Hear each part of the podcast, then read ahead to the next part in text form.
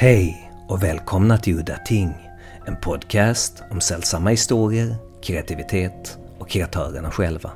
Mitt namn är Henrik Möller, musiken är skapad av Testbild och loggan till podden är gjord av Malmökonstnären Nalle Chinsky. There was a glow in the sky, as if great furnace doors were opened. Så börjar Arthur Makens mästerverk The Hill of Dreams. John Preece skriver i sin essä om Hill of Dreams We are not looking at a metaphor for the sunset, but a vision of hell. Great furnace doors were open. The opening sentence is pulled up short and stopped by the adjective open, which Machen puts at the end of the phrase. The doors are open. And if something is open, what do we do? We think, what's inside? And we look. The story is nailed at the start. This is a journey from a glow into a hell of a great furnace. The doors are open, and the only way is in. At the beginning of the sentence, we may have expected the glory of a sunset, but what we get, in fact, is the hell of fiery destruction. This is why that opening line is one of the great opening lines in literature. There really are few that can compare with it. Det finns redan ett Udda Ting-avsnitt om Maken, avsnitt nummer 37, så lyssna gärna på det.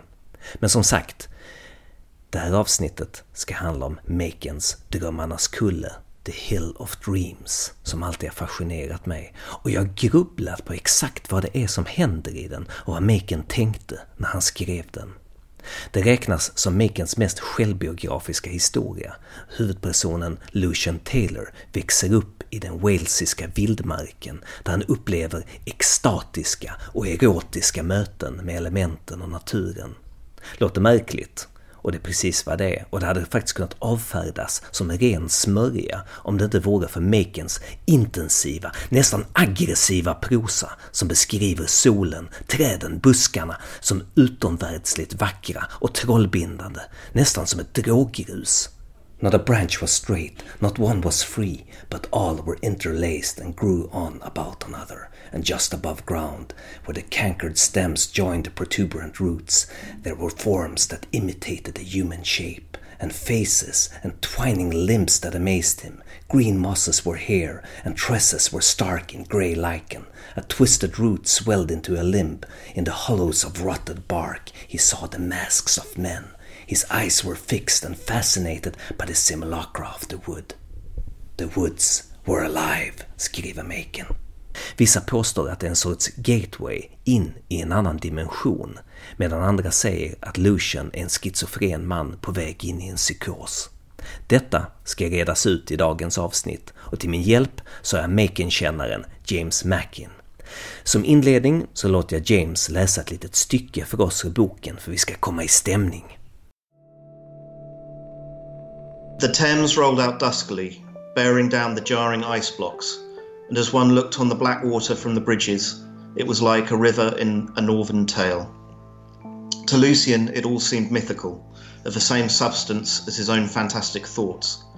He rarely saw a newspaper and did not follow from day to day the systematic readings of the thermometer, the reports of ice fairs, of coaches driven across the river at Hampton, of the skating on the fens, and hence the iron roads, the beleaguered silence and the heavy folds of mist appeared as amazing as a picture, significant, appalling.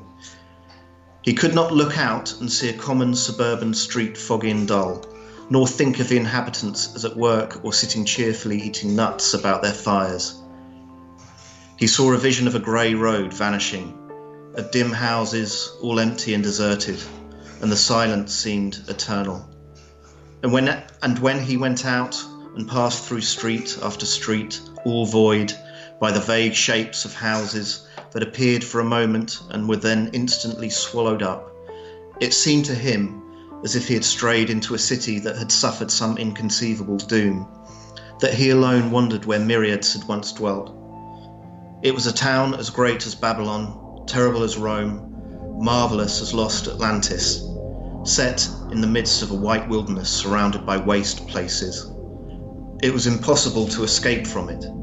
If he skulked between hedges and crept away beyond frozen pools, presently the serried stony lines confronted him like an army, and far and far they swept away into the night, as some fabled wall that guards an empire in the vast dim east. Or in that distorting medium of the mist, changing all things, he imagined that he trod an infinite desolate plain, abandoned from ages, but circled and encircled with dolmen and menhir that loomed out at him, gigantic, terrible.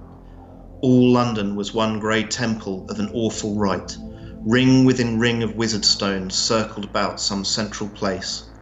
Every circle was an initiation, every initiation eternal loss. Or perhaps he was astray forever in a land of grey rocks. He had seen the light of home, the flicker of the fire on the walls. Close at hand, it seemed, was the open door, and he had heard dear voices calling to him across the gloom. But he had just missed the path. The lamps vanished, the voices sounded thin and died away, and yet he knew that those within were waiting, that they could not bear to close the door, but waited, calling his name while he had missed the way and wandered in the pathless, desert of the grey rocks. Fantastic, hideous, they beset him wherever he turned, piled up into strange shapes, pricked with sharp peaks, assuming the appearance of goblin towers, swelling into a vague dome like a fairy wrath, huge and terrible. And as one dream faded into another, so these last fancies were perhaps the most tormenting and persistent. The rocky avenues became the camp and fortalice of some half human malignant race who swarmed in hiding, ready to bear him away into the heart of the horrible hills. It was awful to think that all his goings were surrounded, that in the darkness he was watched and surveyed, that every step led him deeper and deeper into the labyrinth. Could you tell the listeners what is the Hill of Dreams about? The protagonist of The Hill of Dreams is Lucian Taylor, who's a, a young man growing up in rural Wales in a very small village.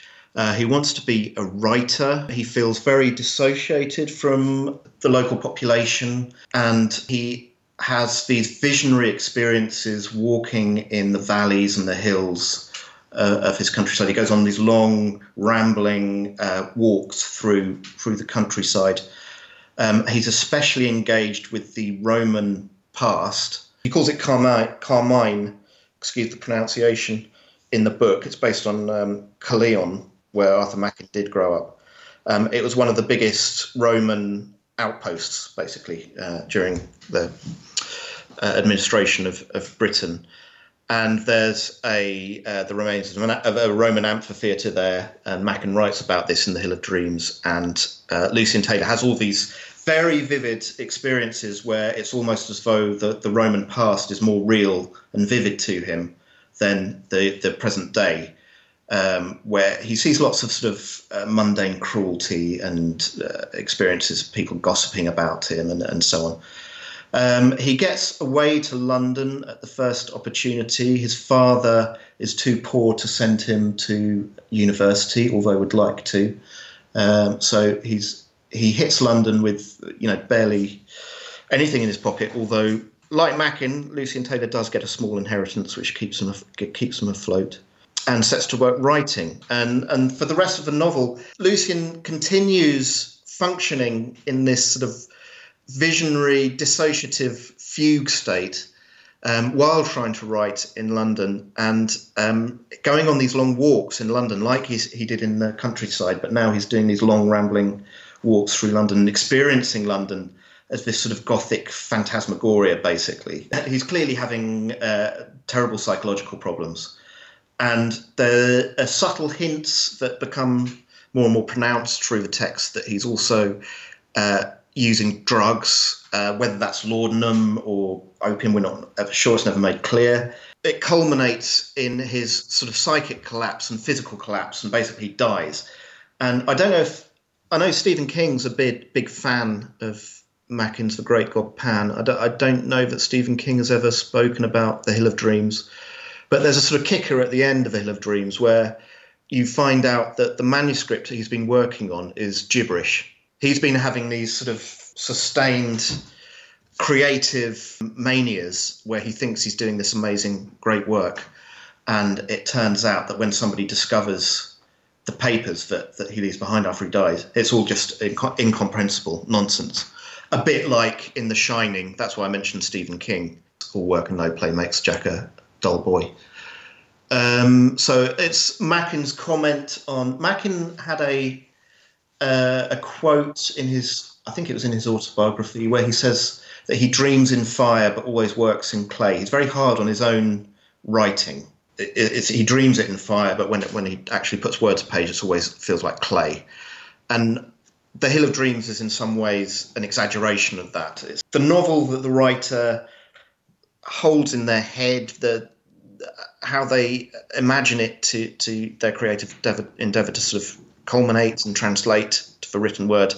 And then Lucian Taylor, it's just uh, trash, basically. It's just nonsense. It's just gibberish. And I think anybody who's tried to write anything does identify uh, with, would identify with that frustration of knowing what you want something to be to be like and then it just failing to transfer onto the page. And Machen was struggled with that all his life. It's difficult to do a sort of pithy summary of the plot of The Hill of Dreams because it really doesn't really have a plot.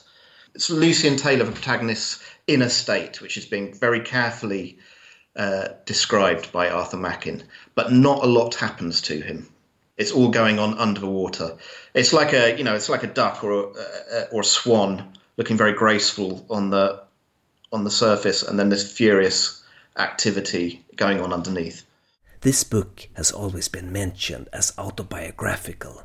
So, how much of it is autobiographical? Well, obviously, the answer is not a straightforward one. Um, it it it has autobiographical elements, certainly. For the Hill of Dreams, Dreams Machen draws a lot upon his early life and his own early experiences of uh, life in London as a struggling writer, but it's not by any stretch of the imagination uh, closely autobiographical, especially not at the time that he was writing it. And I can I can say a bit more about that if you'd like me to. Yes, please do. And he did he did struggle when he first came to London. There's no doubt about that. He lived in you know bedsits and and digs and and uh, smoked cheap tobacco, drank green tea, and survived on hunks of of bread, and um, had very limited budget. And that that's that experience is included in the in the novel The Hill of Dreams. But uh, in the early 1890s, he did come into um, money. Um, he had uh, relatives in Scotland, I think I'm right in saying, uh, leave him uh, a, a, series of bequests. And actually, um, when he was writing The Great God Pan, he was in a very big sort of country house in, in the Chilterns, just outside of London, living quite comfortably. Um, and that was to continue throughout the 1890s during what some people see as his most uh, productive period uh, uh, as a writer.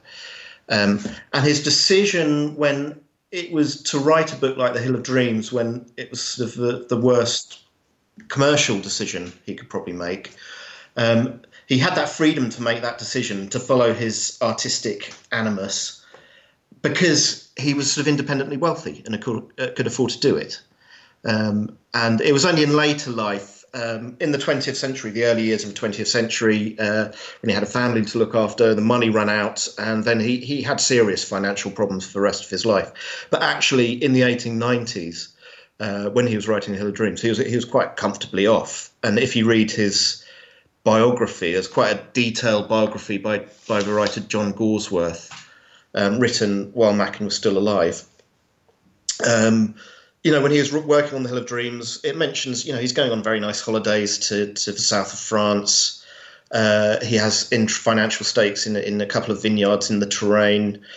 He's living in Gray's Inn Road uh, with uh, in quite a sort of literary milieu uh, people like M.P. Shiel and, and Edgar Jepson and uh, George Egerton.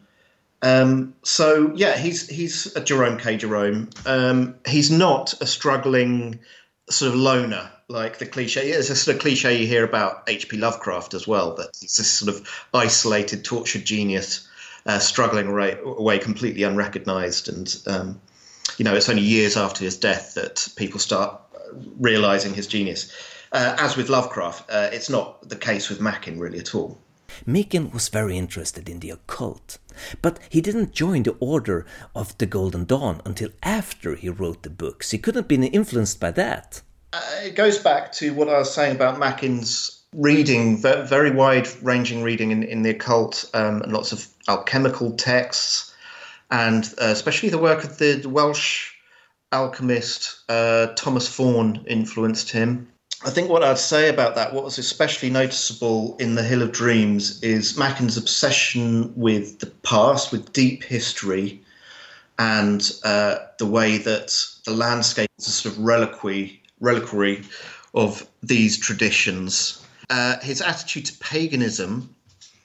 Um, so for Machen, um, reality is the shadow, um, like in Plato's cave. It's the shadow thrown upon the cave wall you know, crudely paraphrase Plato, um, he uh, had this conceit that so if you imagine uh, you're in a cave and there's a fire and there's activity going on and the, there are shadows cast on the wall of the cave.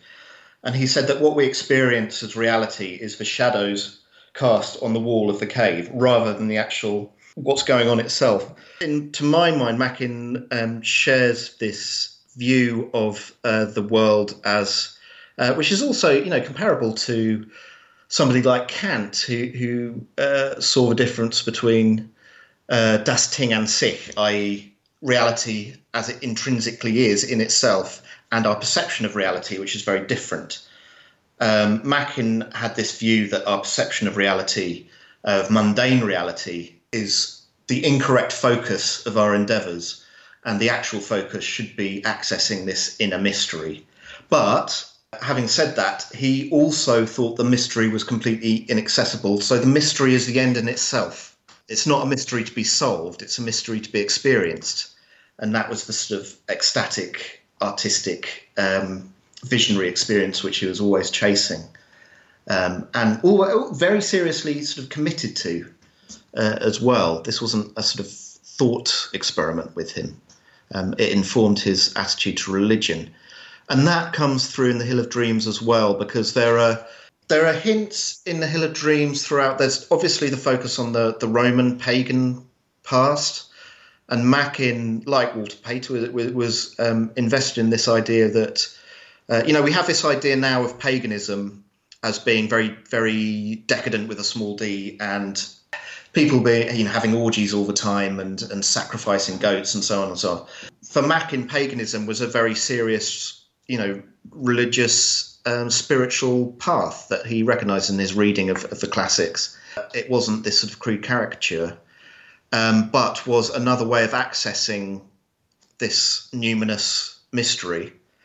Um, so that's touched upon in the Hill of Dreams, but also, you know, there was this tension at the time, especially in the 19th century, between the Church of England and uh, other forms of Christian practice. And, and Machen was an adherent of uh, the High Church, which was wasn't Roman Catholic, but it was Catholic with a small c, which placed an emphasis on apostolic succession in Britain. So look back to the original Celtic church, which was sort of some semi legendary um, Christian patches of the very early church days in uh, the early early Christian days in, in the United Kingdom, rather than the Reformation post Reformation Anglicanism. And Machen, like other others of the period, saw the Reformation as this great sort of spiritual collapse and fall when you know, the Church of England became interested more about, you know, commerce and uh, supporting sort of bourgeois middle class uh, modernity rather than rapturous spiritual uh, experiences. Um, so in the Hill of Dreams, you get these passages where one of the the local vicars is taking a dim view of a rumor he's heard that somebody's using incense and you know smells and bells basically in their services, which is seen as really dangerously you know um, Catholic and to be frowned upon, basically. But Machen, for Machen, it's all about reaching back into the deep into deep history and the deep past and finding this sort of spiritual renewal through that connection with tradition. What is strange to me is that people who grow up in the countryside or the wilderness has a pretty relaxed relationship to it. They don't romanticize and imbue it with mystical qualities the way Machen does. You know, you get a sense with Machen that he would uh, much prefer the landscape removed uh, of any human sort of population. And in the Hill of Dreams, it's the people, it's the uh, landed gentry, and also you know the, the the the boys who torture the dog. He adores the countryside. What ruins it for him are all these terrible people that uh, are constantly, you know, interrupting his reveries with their uh, nonsense and cruelty and and pettiness, basically. So I think he's very, very, very critical of country society, but not of the traditions of uh, the countryside. It seems to me that maybe Machen was writing The Hill of Dreams in a cautionary tale manner. The fear of the art life, indulging too deeply into that dreamy antisocial mindset. There was uh, what's called in the 1890s the tragic generation, and I think it was Yeats's, W.B. Yeats's, the poet's father, who coined that phrase, associated with lots of decadent writers and poets who congregated, some of them congregated at the Rhymers Club in the Cheshire, Cheshire Cheese pub in Fleet Street. People like Arthur Symons, Lionel Johnson, um, Dowson, and so on. And there was this uh, mythology that built up around the, the, these decadent poets, Richard Le Gallienne, that they all basically died young. Um, they all led these very extreme lifestyles and uh, dedicated to art and died of drugs and drink, basically. Um, I suppose you could compare it to the beat poets of the 1950s and a, you know, a poem like uh, Allen Ginsberg's Howl, which starts off, I've seen the best minds of my generation destroyed by madness, etc., etc. It's this sort of self mythologizing as um, uh, extreme bohemian, sort of countercultural, we'd call it now, lifestyles. And the it's also, you know, it becomes the sort of rock and roll Jim Morrison cliche. I can't remember any of Jim Morrison's uh, quotes, but he, he talked about using drink and drugs as a way to to see things for what they really were and, you know, have visionary experiences and so on. Lucian Taylor in The Hill of Dreams refers to himself, thinks of himself as degenerate and decadent in this way. And there's obviously the drug use as well, which ties into this. Neglecting your physical comfort and psychological well being to pursue this pure artistic vision. You can read it, obviously, as a cautionary tale against doing that because Lucian Taylor dies uh, in really shabby, horrible circumstances, having, you know, having totally failed at the end. But I don't, I've never read it as uh, that sort of morally didactic, you know, cautionary tale, which Machen never that wasn't something that he he was invested in as a writer or interested in as a writer. I don't think it, it was much more about the sort of philosophical tension between art and commerce. There was no welfare state in the 1890s, and if you read this sort of stuff, people if they did, if if they couldn't sustain themselves through writing, they would literally starve. And I, I you know, it's it's quite shocking to read that, but it was kind of a serious decision. It wasn't something you could, unless you had uh, independent means, you could end up uh, starving, you know, quite literally. So it wasn't a totally romantic, it wasn't a total romanticization. I didn't think specifically about money, but rather psychologically, like sinking into that dreamy mindset, like Lucian Taylor, going into almost psychedelic psychosis in the woods. I'm sure you're right. I'm sure you're right, and and uh, I think the Hill of Dreams is uh, very obviously about that that danger. But I don't I don't ever get the sense in the Hill of Dreams that Machen is judging Lucian Taylor. You know, it seems like a sort of foretold tragedy that this uh, character is going to end up this way because he seems so unfit for um, for life, basically, in many ways. Uh, and again, Machen is quite perverse in writing this novel. Um, you know, the year after beginning work on it, the year after Oscar Wilde was um, sent to Reading jail for for you know pursuing his own decadent lifestyle. Um, and everybody started getting very worried about the consequences of pursuing your own aesthetic, decadent, you know, symbolist uh, creative life. And again, Walter Pater's relevant here because in his book from about 20 years previous, you know, before The Hill of Dreams, the it's the conclusion of a book on Renaissance art, which uh, Oscar Wilde was a big fan of, uh, caused a great stir because it was sort of suggesting, although Walter Pater claimed it was misread, that um, people should only that to be a true aesthete, you had to. Uh, I'm not going to explain this very well, am I? That the only that meaning, the only possible way of finding meaning in life was through aesthetic contemplation, and uh, you could forget about uh, religion and Christian morality, and that's why it was scandalous, uh, because the only true sort of authentic life could be lived through the immediate subjective contemplation. Hence, Marius the Epicurean as well, because it was basically Epicureanism. Um, and that was seen as sort of scandalous and terribly dangerous and morally damaging to Walter Pater's um, contemporaries and students. Maybe you can clear this up for me. I've read somewhere that Machen planned The Hill of Dreams very meticulously to be written in a particular style, and I can't remember if it had something to do with something he had previously been criticized for in his previous stories. Uh, his first successes, The Great God Pan. Um, so, yeah, there, there, were two volumes. It's The Great God Pan and The Inmost Light. That was one book. And then that was followed up in 1895 with Three Impostors. And they owe a huge debt to Robert Louis Stevenson. And reviewers acknowledged this, and Machen acknowledged this. Uh, and, you know, about a decade previously, Stevenson had published uh, The Dynamiters and, and, The New Arabian Nights, which were um, what's sometimes called fix up of short stories, where you get you collect together some, lots of short stories and then you write an overarching plot which weaves all which uh, connects all the stories together, a bit like the Arabian Nights, hence the title, The New Arabian Nights. And Machen lifted that conceit pretty much uh, totally for the Three Impostors. And also stylistically, he, he owed a huge debt to, to Robert Louis Stevenson and would be the first to admit that, and was the first to admit that, and wasn't alone in that.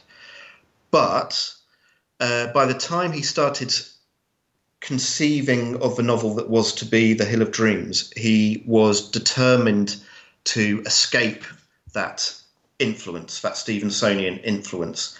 Uh, there's a, uh, you know, it's uh, you can compare it to H.P. Lovecraft's frustration that he was just imitating Dunsany with a lot of his early work, and uh, you know, trying to find his own Lovecraftian uh, stories. Uh, Machen did the same thing, and the result was The Hill of Dreams. Yeah, one more thing I wanted to say about that. He, he got offered a contract to produce several stories for a new publication. I think it was going to be called The Unicorn. I might have that wrong. Um, and the other writer who was going to be producing tales for that title was going to be H.G. Wells. And they wanted more of the same, basically, more of the uh, the sort of very ostensibly uh, Poe influenced weird tales that Machen had been writing in The Great God Pan and The Three Impostors. And Machen was plunged into despair because he said that, that basically that scene was completely exhausted. He couldn't actually carry on producing that sort of work at that time. You know, he wasn't going to be uh, starving because of that decision. Uh, he just felt that as a creative force, he couldn't follow the route he'd been taking uh, any further. And so he switched his attention to what became the Hill of Dreams. So, yeah, there's that sort of conscious effort to move away from Stevenson, but also to move away from what we would now call the sort of classic weird tale. It was not just H.P. Lovecraft who was a fan of Machen's, but Henry Miller and Lord Dunsany even wrote an introduction to the book. As Lord Dunsany says that he, the first time he tried to read The Hill of Dreams, uh, he was very put off by uh, the passages of sadomasochism. Um, and just so you don't, you know, somebody who hasn't read the novel doesn't misunderstand that, it's not sadomasochism per se. It's the Lucian Taylor experiments with self flagellation in the sort of religious mode um, in order to uh, uh, inspire visionary states. Basically, he, he sort of whips himself with nettles and so on. Uh, anyway, uh, Dunsany found that distasteful and unwholesome. But in his introduction, his later introduction, he he uh, he goes into great detail about um, the artistic and sort of stylistic achievements of the book. Um, I'm trying to find a quote. Uh, it is a triumph of the imagination over harsh reality, an imagination that built a city without marble and planted it with vineyards and ilexes, and brought back to Avallaunius an old Roman population and girls who had danced with satyrs from out of the dark of past ages. An architect, an architect has also such dreams, and when he can get marble, his dream is soon accepted. For Machen, it was a longer and harder struggle. It's pretty funny that it was in the Golden Dawn at the same time as Algernon Blackwood, and I think even wrote something about uh, Algernon Blackwood. This is Arthur Machen speaking about Blackwood. Tennyson, you remember, says the cedars sigh for Lebanon, and that is exquisite poetry. But Blackwood believes the cedars really do sigh for Lebanon, and that is damn nonsense. No, Machen is very, very spiritually serious and you know very religiously serious. Um, he still has this sort of bedrock of sort of pragmatic, very sort of common sense attitude, where he often will sort of puncture anything that he regards uh, uh, as too sort of pre- preposterous or, or pretentious. Um, his, his, autobiography is especially critical of uh, you know uh, spiritualism and psychic phenomena and ectoplasm and stuff. He, he takes it all with a pinch of salt, while remaining uh, really furiously anti-materialist as well. So full of contradictions, really. Do you think he got to the bottom of what he was searching for in his religion and the occult, or did he just lose interest towards the end of his life? No, because it's there. It's no, I don't think he did. I think um, the American critic and editor S.T. Joshi, um, when he writes about Machen, makes a you know a completely legitimate claim that Machen didn't really change his mind about anything throughout his life. I think that is you know sort of fair enough, really. Even though I think Joshi means it in a slightly disparaging way, but you know one of his greatest late work, Story N, which he wrote and published when he was in his seventies it engages with all these same um, quandaries and contemplations and, and uh, spiritual and philosophical investigations. It's it's the same thing in this obsession with mystery and the thing that's slightly just out of our reach among Machen's fans and and scholars of his work. Uh, there's quite a famous ending of the story N, the final sentences, uh, which go, I believe that there is a perichoresis, an interpenetration. It is possible, indeed, that we three are now sitting among desolate rocks by bitter streams, and with what companions. And that's, you know, from a story written when Machen was in his 1970s, and he's still talking about this interplay between the real world, uh, as in it's complicated because by real world, Machen means this sort of quiddity, this numinous world, this spiritual world, rather than the apparent world around us, which he regards as a sort of chimera, a, a, sh- a shadow. Could you explain what quiddity means? He uses it. It's a thing that I only previously encountered in Clive Barker's The Great and Secret Show. Uh, an, uh, an inherent nature or essence of someone or something. What the world is in its essence which Machen regards as leading back to God and the central mystery, which is an uh, unsolvable, irresolvable mystery, um, but something that is to be pursued anyway. Avslutningsvis har jag fått tillåtelse att använda Jonas Wessels efterord till Hastor förlags kommande utgivning av Makens De tre bedragarna, The Three Imposters. Om just Hill of Dreams så beskriver Wessel flyktigt, men i de biografiska styckena där hittar vi ledtrådar till inspirationen och Makens syn på sina verk. Så här skriver Wessel. Han älskade tobak, planlösa vandringar, pubvistelser, öl, rom, likör, gin, whisky, den muntliga berättarkonsten och att recitera kyrkolatin. Han ogillade kortspel och fårkotletter. Han var ointresserad av allting ryskt och satte alltid fantasin före det materiella. Det finns en värld någon annanstans. Det språk heter poesi. Han betraktade skrivandet som ett utmärkt gryt som höll honom varm. Han tjänade inte mycket på sina skönlitterära alster, men desto mer på journalismen. Denna var dock enbart ett snabbt sätt att få ihop pengar på, en prostitution av själen. Barndomen var idyllisk, men ekonomiskt snäv. Det är lätt att föreställa sig honom som pojke, lillgammal och reserverad, med händerna allvarsamt bakom ryggen, strövandes i naturen kring uppväxtplatsen med sitt huvud sjudande av fantasier, spirande ur den lokala folklåren, sammanvävt med allt han läste och alla mystiska hus och platser han utforskade. Han var sedan barnsben fascinerad av legenderna om King Arthur som en gång hade sitt kungadöme där och den heliga graalen. Han kittlades också av historien han hörde om romerska soldater vars kvarlämningar i trakten började grävas fram på 1870-talet. Maken var solitär, men inte ensam och allt annat än olycklig. I memoarvolymen Far Off Things från 1922 så skriver han så här.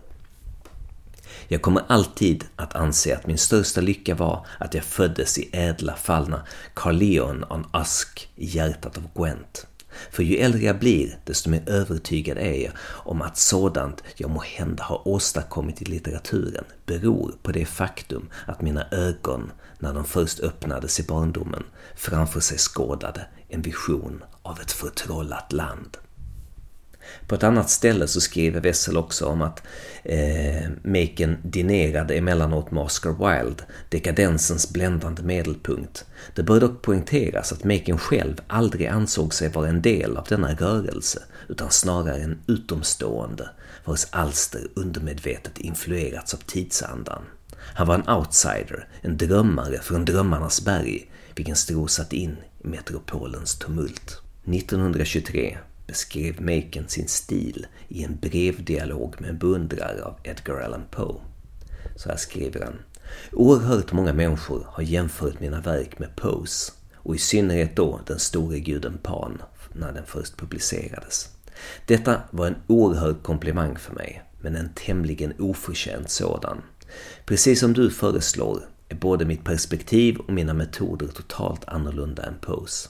Och denna skillnad syns sig mer tydligt än i den store guden Pan. Hans fasor är så distinkta som möjligt. Mina, som ni säger, är vaga, irrationella, något liknande en fragmentarisk hågkomst av en mardröm. Därför var följaktligen den store guden Pan ett mysterium, lika mycket för författaren som för läsaren.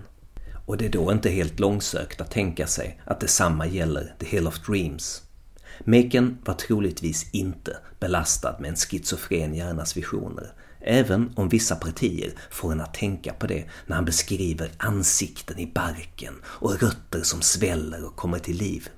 Maken var mest troligen bara en av de konstnärer som var extra känslig för olika intryck och lade märke till detaljer som andra inte tog in. Hans extraordinära målande prosa slungar läsaren mellan skönhet och extas det är kallsvettig skräck, som han skriver om den unge Lucian Taylor i Hill of Dreams. And then panic fear rushed into his heart and he run blindly, dashing through the woods. Mest troligen kommer vi inte närmare mysteriet än så här. Men som med alla stora konstverk så blir det så. Det som händer i läsarens hjärna, känslan, får tolkas av läsaren själv. Och med de orden så säger vi hej då för den här gången. Mitt namn är Henrik Möller. Musiken var skapad av Testbild. Hej då!